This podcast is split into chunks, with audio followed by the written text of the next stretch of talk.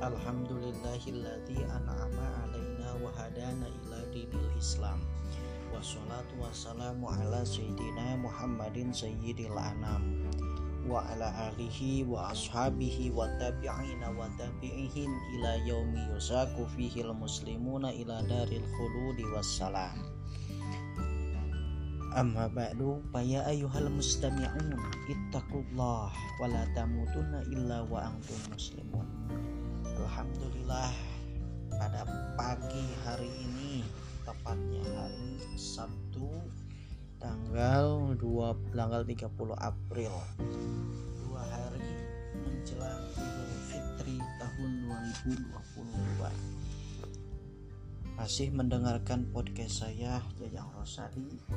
Mudah-mudahan ini bermanfaat untuk kita semua khususnya yang mendengarkan dan juga pengingat untuk diri sendiri. Karena pada hakikatnya kita hidup itu untuk menjadi benar bukan merasa paling benar. Ini kadang orang yang salah yang keliru. Merasa baru belajar agama sehari dua hari seminggu dua minggu sebulan dua bulan.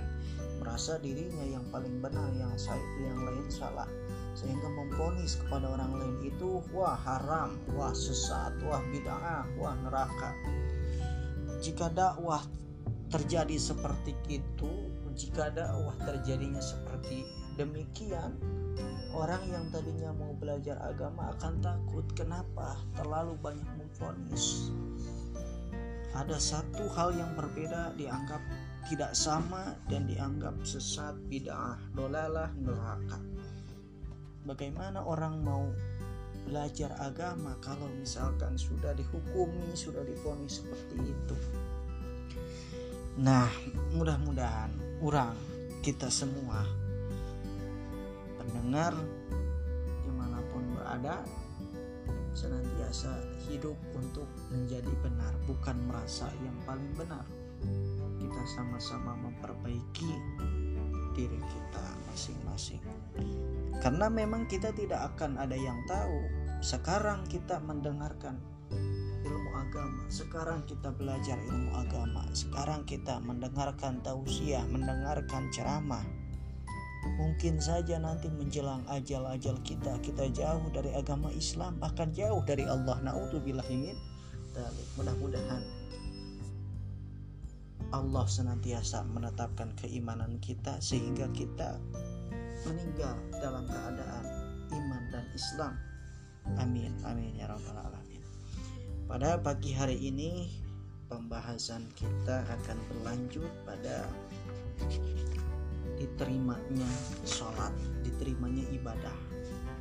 Karena memang urusan diterima dan tidaknya ibadah itu kan urusannya Allah urusan Allah bukan urusan manusia urusan manusia itu menjalankan syariat sesuai dengan ketentuan anak. Kita sholat nih sesuai nggak sama syariat? Sesuai nggak syarat rukun fardu? Nah sebelum sholat kan ada wudhu dulu. Sesuai nggak wudhunya dengan syariat? Yang mana dibahas dalam ilmu fikih. Begitu. Ilmu fikih membahas.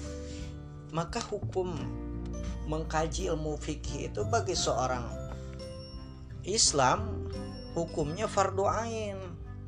Artinya wajib dia. Tidak bisa diwakilkan. Beda dengan fardu kifayah. Begitu. Harus ngaji. Jangan sampai kita orang Islam sholat lima waktu dalam sehari semalam tapi nggak tahu ilmu sholatnya. Bagaimana mau diterima ibadahnya? Tidak sesuai dengan prosedur. Ibarat kita nih ngelamar kerja ke satu perusahaan gitu kan di sono pasti disebutin persyaratannya harus fotokopi KTP harus melampirkan akta fotokopi ijazah yang sudah dilegalisir harus pas foto ukuran 3 kali 6 nah itu pun belum ditentu belum tentu diterima sama HRD nya kenapa? Ya tadi syaratnya harus dipenuhi. Kita ngelamar kerja nih. Tadi kan udah sebutin persyaratannya. Ada aja satu syaratnya nggak nggak komplit. Apakah akan diterima? Tentu tidak. Gitu kan? Harus memenuhi syarat. Ada lowongan pekerjaan. Syaratnya harus minimal pendidikan S1 sementara kita yang mau ngelamar kita cuma lulusan SMA kira-kira keterima nggak? Enggak. Lowongan kerja khusus untuk perempuan. Dengan tinggi sekian. Nah kita tingginya kurang dari sekian itu kira-kira diterima nggak? Ya enggak sama dengan sholat. Sama dengan ibadah kita. Ketika syarat-syaratnya tidak lengkap boro-boro diterima gitu kan. Bahkan ditolak seperti itu. Kembali kepada pembahasan. Saya mengkaji kitab parukunan kifayatul badin di sana di sini akan saya bacakan terlebih dahulu syarat diterimanya sholat oleh Allah Subhanahu wa taala. Kembali bahwa urusan diterima dan tidaknya itu adalah urusan Allah. Tetapi kita perlu mengkaji kenapa Allah telah memberikan. Allah udah ngasih tahu, Allah sudah menjelaskan dalam Al-Qur'an bagaimana ketentuannya gitu kan. Nah, para ulama di sini memberikan satu pedoman supaya apa? Supaya menjadi pegangan kita. Supaya menjadi uh, pedoman gitu kan. Supaya menjadi satu titik pengukur sudah betul atau tidak sesuai dengan pedoman atau tidak. Kira-kira seperti itu syarat keterima sholat itu. Khotimatun. Syarat diterimanya sholat oleh Allah subhanahu wa ta'ala yaitu harus ikhlas karena Allah. Dina niat. Dalam niat. Kudu ikhlas karena Allah. Tegesna pangna daek migawe sholat teh semata-mata nurut karena perintah Allah Ta'ala baik. Nah syarat diterimanya sholat kita yang pertama harus ikhlas dalam niat kita. Kenapa? Karena itu perintah Allah gitu loh Tidak ada alasan yang lain yang lebih utama ketika kita menjalankan sholat kecuali semata-mata karena kita mengikuti perintah Allah. Kata Allah, manusia, jin dan manusia diciptakan oleh Allah Subhanahu wa taala adalah untuk beribadah, untuk menjadi hamba. Ulah kecampuranku pangarahan non-non baik. Tidak ada unsur yang lain, apalagi unsur ditinggali ku batu. Wah, unsur dilihat sama orang, wah dia mah orangnya rajin. Tiap hari ke masjid sholat duhurnya 15 rakaat gitu. Apalagi seperti itu. Ada niat. Gordun akhor ada tujuan yang lain. Gitu. Itu bisa menjadi indikasi tidak diterimanya sholat gitu kan. Ada orang sholat karena pengen dilihat mertua gitu dia sholat duhur berangkat jam 10 wah berangkat dari rumah. Sengaja muter lewatin rumahnya mertua calon mertua gitu kan. Biar dilihat sama mertua oh ternyata mantu saya keren gitu kan. Ternyata mantu saya rajin ibadahnya. Takbirnya Allahu Akbar. Wih, takbiratul ihram. Baca Fatihah tuh dia tuh baca surat yang panjang Alif Lam Mim Tanikal kitabul raiba wah pengen dilihat saat hati-hati bisa jadi sholat yang ria gitu menjadi tidak diterima oleh Allah Subhanahu wa taala. Kenapa? Karena para ulama di sini menjelaskan di antara diterimanya sholat itu harus ikhlas karena Allah yang murni gitu kan. Tidak ada tujuan yang lain gitu. Semata-mata menuruti perintah Allah. Jeung nyakitu deui kudu ikhlas nateh dina sakakarina ibadah lianti salat. Oke begitupun dengan ibadah-ibadah yang lain. Kita menjalankan sodakoh. Pure gitu bahasanya pure. Benar-benar karena Allah tidak ada pengen misalkan kita sholat pengen kaya gitu kan. Itu hanya bonus ada sholat namanya sholat Tuhan fadilahnya bahkan dalam doanya disebutkan Allahumma ingkana rizki fisamai fa'anzilhu katanya sholat ini itu sholat itu bikin uh, banyak rezeki gitu. Itu hanya bonus. Memangnya kalau sholat biasa nggak dapat rezeki gitu? Nah itu kan pertanyaannya. Sholat duha itu bonus.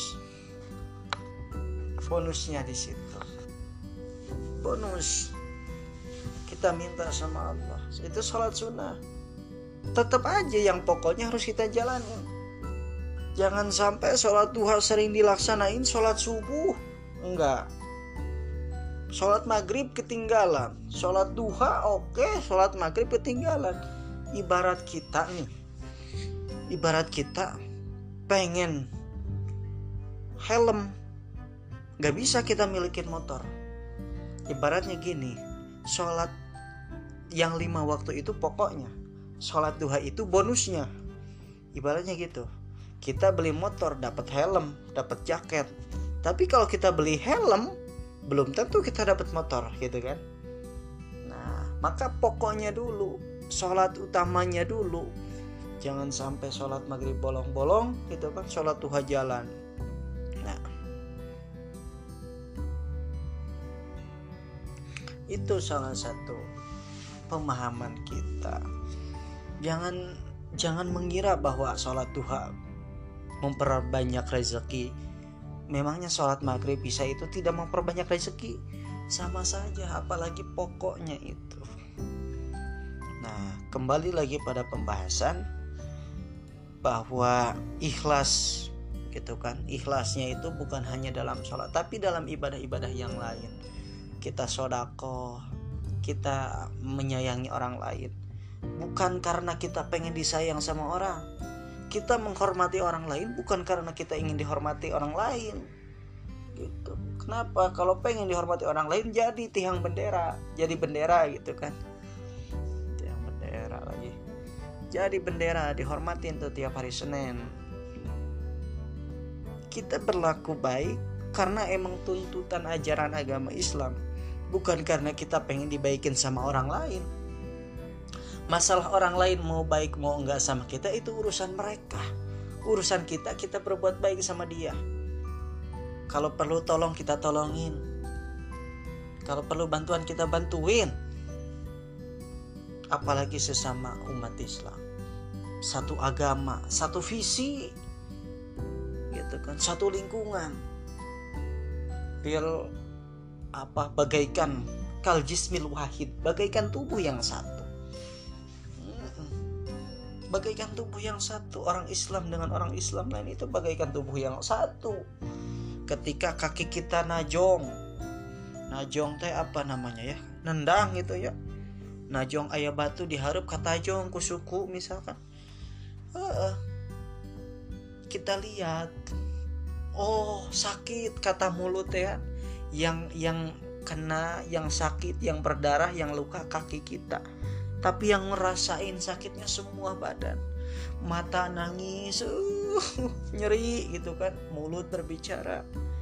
Kemudian niupin huh huh gitu kan. Tangan mijitin atau ngecek nah. Padahal yang sakit kaki Nah, perumpamaan-perumpamaan seperti ini yang kemudian harus dijadikan sebagai persatuan, contoh persatuan. Terlebih bagi umat Islam. Harus bagaikan tangan.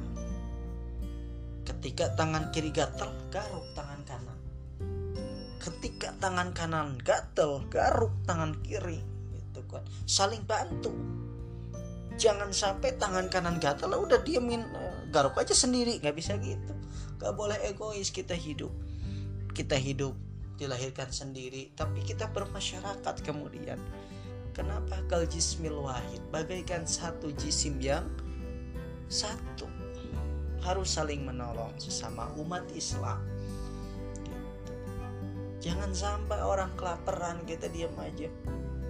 Ada orang kaya orang miskin itu punya keterkaitan orang kaya udah haji. Wah bahkan tiga kali hajinya kan? Sebutnya aja nggak cukup satu haji doang. Harus tiga kali. Pak haji pak haji pak haji pak haji ya kan? Tiap bulan dia umroh. Tapi tetangga sebelah kanan tetangga sebelah kiri tetangga belakang rumah kelaparan. Hati-hati. Gitu. Banyak ya. Ini yang kemudian kita lupa sama ajaran Islam. Padahal ajaran Islam itu adalah ajaran yang paling sempurna. Inna dina indallahil Islam. Cuman kitanya lupa. Kitanya jarang diingetin. Sekalinya diingetin kita menolak. Bahkan malah marah gitu kan wah terserah saya hidup-hidup saya gitu pak. Ada istilah seperti itu.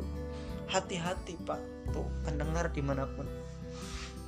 Ketika ada istilah hirup aing kumaha aing kata orang Sunda kan. Hati-hati. Soalnya naon paeh maneh kumaha maneh? Pek we kubur sorangan gitu kan. Bagaimana nanti? Kalau mati kamu bagaimana kamu? Siapa yang akan nguburin kamu?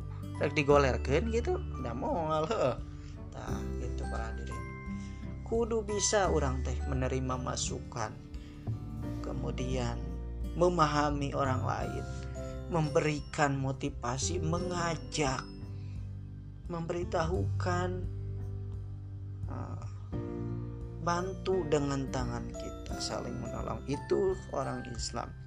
Kembali kepada pembahasan jadi ikhlas bukan hanya dalam sholat, tapi dalam ibadah-ibadah yang lain harus ikhlas, pure, murni karena Allah. Tidak ada harapan yang lain, tidak ada kepengen yang lain. Adapun orang yang bersedekah itu nanti istilahnya bisa nolak bala itu emang bonus dari Allah. Itu memang satu fadilah. Nanti juga akan mengikuti. Gitu. Orang yang baca ini maka dapat hadiah ini itu hanya sebatas padilah motivasi untuk kita melakukan. Dan pada akhirnya kepada Allah lah kita melaksanakan semua peribadahan itu. Karena Allah tidak ada yang lain. Jengnya kitu syaratna keterima sholat teh nyaeta kudu hadir hate. Tegesna ulah udar ider pikiran hate. Tapi kudu ingat hate karena anu keur dipigawe dina jero salat. Seperti upama keruku maka hate kudu inget yen manehna keur migawe ruku. Jeung saterusna. Nah, untuk kemudian sholat kita diterima itu senantiasa di sini disebutkan kudu hadir hati tegasna ulah udar idar.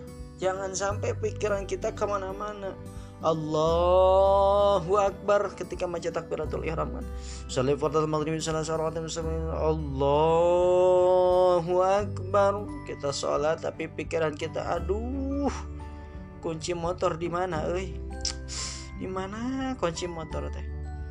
Mulut ngomong Inna salati wa nusuki wa mahyaya wal mamati lillahi rabbil alamin. Tapi pikiran dan hati Duh si itu kes dikawin ku batur. Wah Waduh hutang can kabayar Wah Bagaimana kemudian akan khusyuk Bagaimana kemudian ibadah kita Sholat kita akan diterima? Kalau pikiran kita masih ke mana-mana gitu hadirkan hati ketika Allahu Akbar Allah yang maha besar. Allahu Akbar kabira walhamdulillahi kasira. Wa subhanallahi bukrata wasila inna salati ya Allah sesungguhnya salatku. Wa nusuki ibadahku wa mahya ya hidupku wa mamati matiku. Lillahi rabbil alamin ku serahkan padamu ya Allah. Dan kita belum sampai pada pelaksanaan praktikum belum sampai pada pelaksanaan implementasi. Kita masih bilang dalam salat inna salati wa nusuki wa mahyaya wal mamati. Hidupku matiku karenamu ya Allah. Tapi masih bingung dengan urusan rezeki. Tapi masih heran kok tetangga makin kaya saya makin sulit. Tapi masih bingung anak orang kok jago-jago kita kayak gini-gini aja. Tapi masih bingung orang lain sudah pada gini kita masih gonoh karena memang kita masih lemah dalam keyakinan. Padahal dalam sehari semalam kita mengucapkan wa mahyaya wal mamatillahi rabbil alamin ku serahkan kepadamu ya Allah. Maka hadirkan hati kita ketika kita sholat Membaca Al-Fatihah Kita minta sama Allah memuji Allah. Bismillahirrahmanirrahim. Dengan maha dengan menyebut nama Allah yang maha rahman yang maha rahim. Alhamdulillahirabbil alamin segala pujian milik Allah. Ar-Rahmanir Rahim Maliki Yawmiddin Iyyaka na'budu wa iyyaka nasta'in. Hanya kepadamu ya Allah kami beribadah. Banasta'in dan memohon pertolongan kepadamu ya Allah. Hadirkan. Ketika kita melaksanakan ruku tidak sujud duduk di antara dua sujud kita doa. Rabbi gfirli warhamni wazburni warfa'ni warzuqni wahdini wa'afini wa'afani hayati itu hadirkan hati kita ya Allah Rabbi gfirli. Semoga engkau moga-moga ngahampura Gusti ka abdi semoga Allah mengampuniku gitu kan hadirkan hati dalam setiap kegiatan kita dimulai takbiratul ihram. Membaca fatihah sampai kepada membaca salawat dan membaca salam hadirkan hati kita bahwa kita sedang ada di masjid itu di tempat itu kita sedang melaksanakan salat menghadapi Allah subhanahu wa ta'ala. Jeng kudu ingat serta nyaho hati karena maknana eta bacaan salat ini banyak para ulama kita di antara aspek yang menuntut ataupun aspek yang mempengaruhi kehusuan sholat itu kita paham sama maknanya paham sama artinya. Iya seperti tadi Robbi Firli Warhamni. Robbi Hei Pangeran Abdi Igfir Moga-moga ngahampura Gusti ke Abdi. Semoga Allah mengampuni Engkau ya Allah mengampuniku Warhabni dan merahmatiku Wazburni warfa'ni dan mengangkatku. Wahdini dan memberikan hidayah Dan memberikan petuduh Petunjuk kepadaku. Gitu. Pahami maknanya. Allahu Akbar Allahu Akbar kabira Walhamdulillahi kasira Pahami maknanya Inna solati Apa artinya? Ya Allah inna solati Sesungguhnya solatku Wa nusuki Wa mahyaya. Pahami artinya? Kenapa? Karena aspek itulah yang kemudian akan menjadi indikator diterimanya sholat kita oleh Allah Subhanahu wa taala. Jengnya kitu syarat katarimana sholat teh ulah ngujubnya eta ulah boga rasa yen migawe salat teh bubuatan sorangan. Balik tah ulah poho karena yen segala perkara oke eta didamel ku Allah Ta'ala. Sabab upama ngalakonan salat hente dibarengan ku ikhlas karena Allah Ta'ala eta mual diterima ku Allah. Kemudian di antara syarat diterimanya sholat itu tidak boleh sombong. Weh saya nih sholat awal waktu Orang lain mah nggak ada yang bisa seperti saya. Saya nih yang selalu berjamaah yang nggak pernah ketinggalan. Ujub tuh. Kalau bukan karena saya, siapa yang akan menghidupkan berjamaah di masjid ini? Hati-hati dengan perkataan seperti itu. Hari ini kita bisa sholat karena kita digerakkan oleh Allah. Ulah boga rasa yen migawe sholat teh buatan sorangan. Sholat saya subuh saya saya bangun. Di saat orang lain masih tidur saya bangun datang paling awal. Wah jangan merasa sombong. Kita bisa melakukan sholat ini bukan karena diri kita tetapi karena digerakkan oleh Allah subhanahu wa ta'ala. Segala oke eta didamel ke Allah. Perbuatan kita semua digerakkan oleh Allah. Jangan merasa bahwa sholat kita itu hasil kerja keras kita. Jangan akan menimbulkan kesombongan. Kesombongan itu. Ujub. Itu sebab upama ngelakonan sholat untuk diparangan ikhlas karena Allah eta mual diterima sholatnya jadi pada akhirnya pada akhirnya syarat diterimanya sholat kata musonib di sini yang pertama harus ikhlas karena Allah khususnya dalam niat kita lillahi ta'ala kita ucapkan niatkan usalli fardhos subhi rak'ataini mustaqbilal kiblati adaan.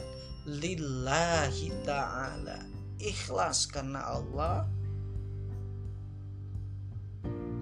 Tidak boleh ada tujuan yang lain tidak ada pengharapan yang lain kecuali mengikuti perintah Allah. Juga ikhlas dalam semua aspek peribadahan. Baik zakat baik sodakoh baik bermuamalah baik bermasyarakat baik bersosialisasi dengan orang lain. Kemudian syarat diterima sholat yang kedua adalah menghadirkan hati kita dengan apa yang kita kerjakan. Ketika kita ruku hadirkan bahwa kita sedang ruku jangan pikirannya ke mana-mana. Ketika sholat Allahu Akbar kita nyari kunci di mana? Tak kunci. Nah ketika kita sholat waduh revisian skripsi gitu misalkan buat mahasiswa. Ketika Allahu Akbar kita sholat waduh anak ayam belum dikasih makan kayaknya gitu. Ingat sama peliharaan. Ketika sholat Allahu Akbar waduh hari ini bos ada meeting lupa belum disiapin hati-hati itu pikiran ke mana-mana. Tapi kan susah untuk melakukan seperti itu. Belajar latihan riyadhah. Latihan perlu latih perlu istiqomah. Karena memang yang namanya ibadah itu pasti akan ada cobaan dan rintangannya gitu. Itu kesimpulan yang kedua menghadirkan hati. Caranya menghadirkan hati harus selalu mengingat apa yang sedang dikerjakan kemudian juga harus paham maknanya paham makna apa yang kita ucapkan dalam bacaan sholat gitu kan. Dan yang terakhir kesimpulan diterimanya sholat itu tidak boleh ujub, tidak boleh sombong bahwa perbuatan itu kita sendiri pure gitu kan. Pure kita yang melakukan. Tapi tiada lainnya tidak bukan karena Allah. Semua hal itu diciptakan oleh Allah Subhanahu wa taala.